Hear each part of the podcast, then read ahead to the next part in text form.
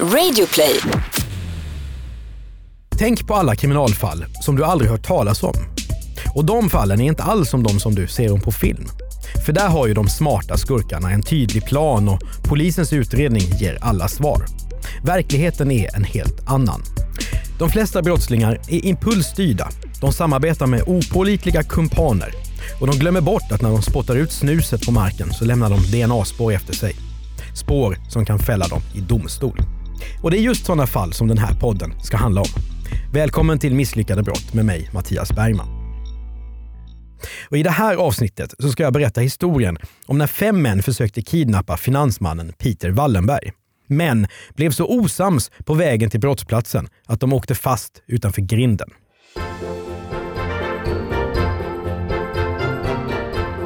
Finansman är ett uttryck som journalister ofta slänger sig med.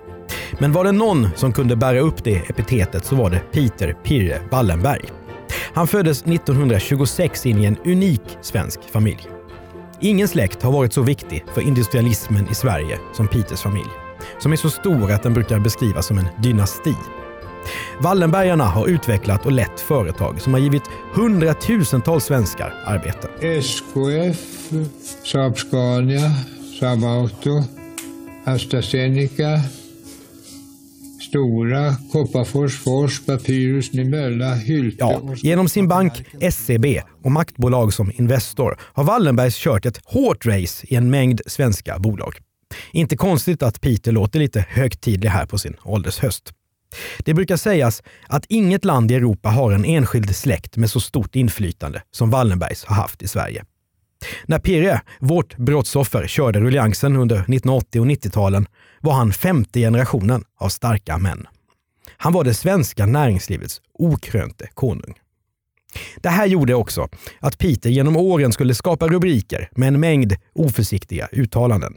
Pirre var helt enkelt inte PK. Men man ska komma ihåg att det finns alltså ett fåtal mycket välutbildade eh, svartingar. 1996 sa Peter i Dagens Industri, apropå kvinnor och styrelsearbete. Jag tycker att kvinnosakskvinnorna borde sätta sig in i vad som krävs av en kvinna i en styrelse. Kanske var det inte bara den enorma maktpositionen utan också den här attityden som gjorde Peter Wallenberg till en måltavla för medierna. Men pengarna gjorde honom också till en måltavla för kriminella. Som Marek.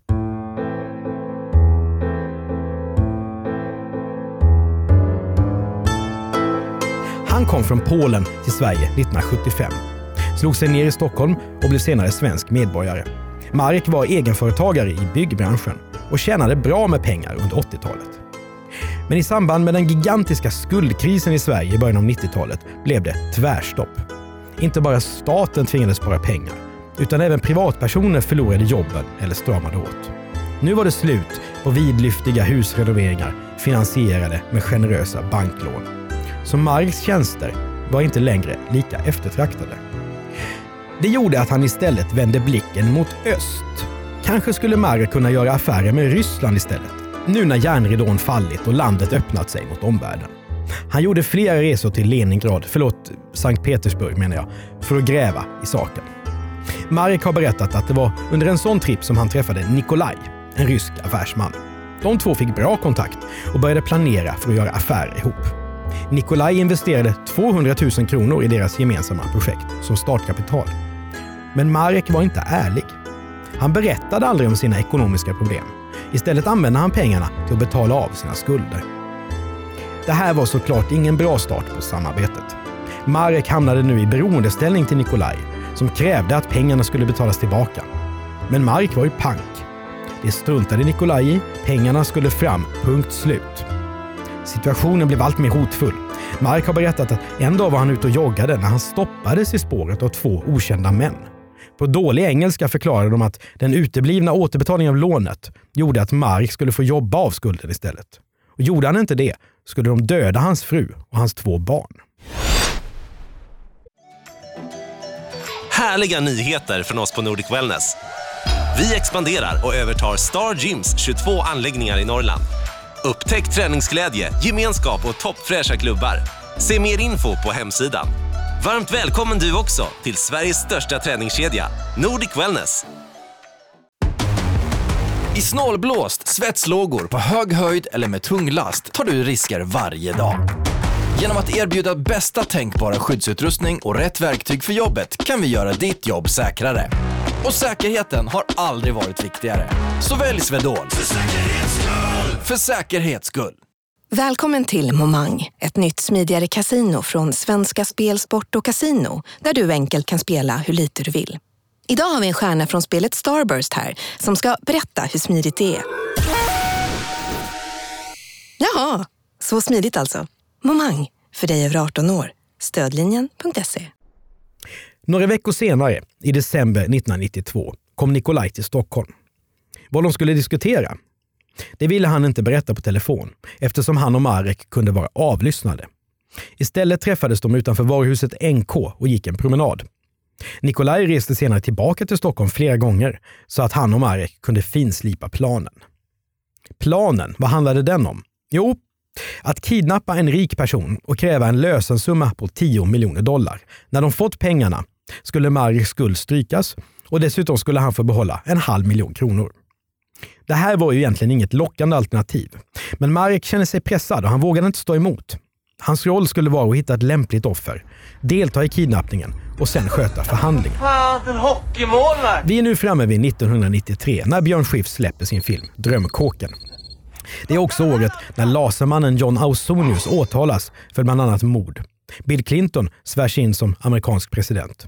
De kriströtta svenskarna lyssnar på Ace of Base. Och torsdagar klockan 20.00 är det alldeles självklart vad man tittar på.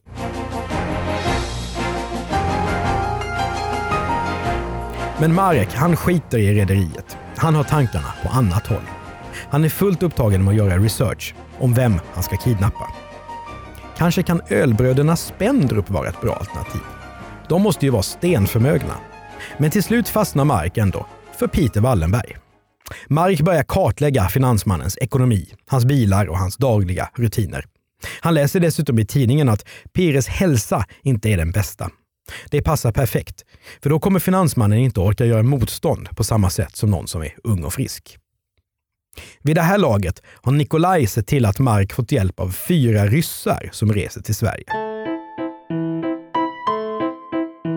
Nikolaj har också tagit fram tre alternativ till hur kidnappningen ska genomföras. 1. Att skjuta ett pansarskott mot Wallenbergs bil. 2. Att fejka ett vägarbete så att Pires bil tvingas stanna. Eller 3. Att lägga en barncykel på vägen så att chauffören av bilen måste bromsa in. Utkastet till ett lyckat brott börjar formas.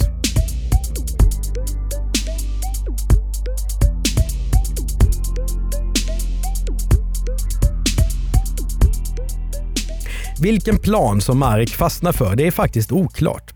Däremot så vet vi att planen är att Peter Wallenberg ska föras bort i bil eller båt. Många misslyckade brott hänger på usel planering. Det kan man inte riktigt säga om det här. För Marek och hans ryssar som nu ingår i kidnapparligan, de köper tillsammans in all tänkbar utrustning som kan behövas. Nikolaj betalar. De ser till att ordna. Två båtar, en gaspistol, walkie-talkies, alltså som mobiltelefoner men bara mellan två personer. Kamouflagekläder. Måste, måste du förklara walkie-talkies? Ja, men ingen som är född 95 har ju en aning. Säkert? Ja. Okej. Kamouflagekläder, sovtäcken, tält, handbojor, röstförvrängare. Ett dykaggregat som inte släpper ifrån sig luftbubblor och en trälåda där lösensumman ska förvaras. Det kanske mest udda inslaget är en undervattensmoped. En farkost som gör att du kan förflytta dig under vatten i 4-5 km i timmen utan ansträngning. Men nu börjar Marek bli nervös, för han är ingen våldsam person. Mark är orolig för att det hela ska gå överstyr. Och inte blir det bättre när han frågar en av sina kumpaner om de inte kan komma överens om att vara lite försiktiga med Peter Wallenberg. Men han får bara ett gapskratt till svar. Ju mer planerna börjar ta form, desto räddare känner Mark sig. En dag när de befinner sig i en lägenhet vid studentområdet Frescati i Stockholm, där en av kumpanerna bor, så lägger han korten på bordet. Han vill dra sig ur. En av ryssarna blir då så arg så han drar fram en pistol och skjuter ett skott mot Marek. Det missar och träffar istället handfatet. För Marek så blir den här otäcka händelsen en påminnelse om att han är fast. Han måste försöka slingra sig ur situationen vid ett senare tillfälle. På kvällen den 23 augusti 1993 är det dags att slå till. Tillsammans med tre av de ryska kumpanerna åker Marek mot Peter Wallenbergs bostad, det magnifika godset Breviks gård på Värmdö i Nacka utanför Stockholm. Det brott som snart ska bli misslyckat, kidnappningen, det är faktiskt ett av de svåraste brott som man kan gå i land med. Det finns helt enkelt så mycket som kan gå fel. Offret ska rövas bort, gömmas, lösensumman ska överlämnas och så måste man ju hålla sams också. Annars kan det sluta, ja, som här. Vad som nu händer är lite oklart som så mycket annat i den här historien. Marek uppger senare att han nu, sittande i bilen, säger att han vill hoppa av. Då blir det bråk. Marek får en pistol riktad mot sig samtidigt som en av ryssarna lägger ett snöre mot halsen för att strypa honom. Han lyckas dock få underkroppen utanför bilen och ramlar ut. Där får han ett slag i tinningen, troligtvis med pistolen. Sen låses han fast med handbojor. Så vad ska de här männen göra nu? De kan ju knappast ringa till uppdragsgivaren Nikolaj och berätta vad som har hänt. Alla är rädda för honom. Inte minst för att Nikolaj redan har investerat en massa pengar i deras förberedelser. En av de misslyckade kidnapparna berättar senare att de bestämmer sig för att åka till Breviks gård och göra ett sista försök att genomföra sitt brott. En annan av de inblandade hävdar att de vid det här laget är så trötta på Marek att de vill hämnas genom att låta polisen ta honom. Men om de anmäler sig själva så kommer de antagligen inte att bli trodda, inser de. Istället väljer de att köra till Peter Wallenbergs bostad så att han, deras tilltänkta offer, får bestämma vad som ska hända med Marek. Framme vid Wallenbergs bostad så går en av ryssarna fram och ringer på porttelefonen. Men han lyckas inte göra sig förstådd.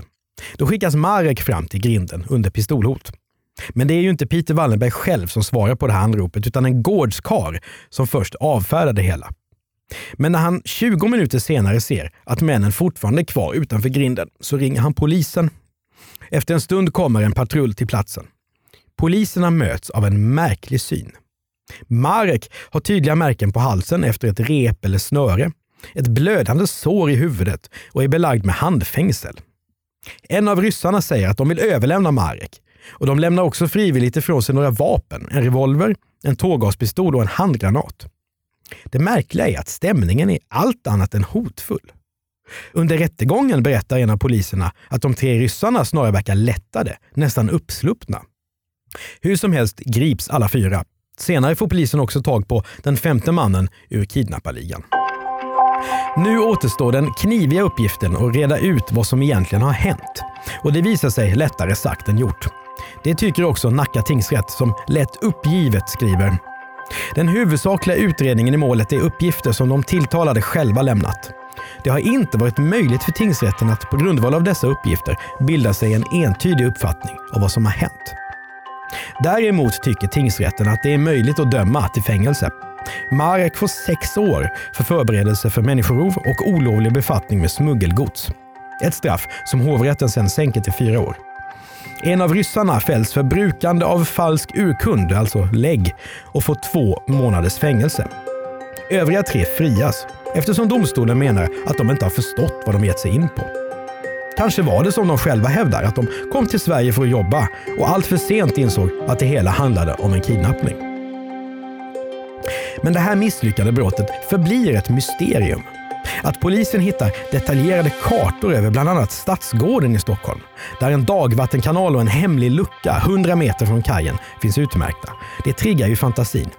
Man vet nämligen att Sovjetunionen har kartlagt Sverige på det sättet. För att ta reda på var det fanns bergrum som skulle användas i händelse av krig.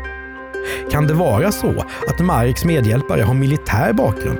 Kanske till och med koppling till Marina Spetsnaz, en del av de fruktade ryska elitförbanden. Det här blir en obesvarad fråga.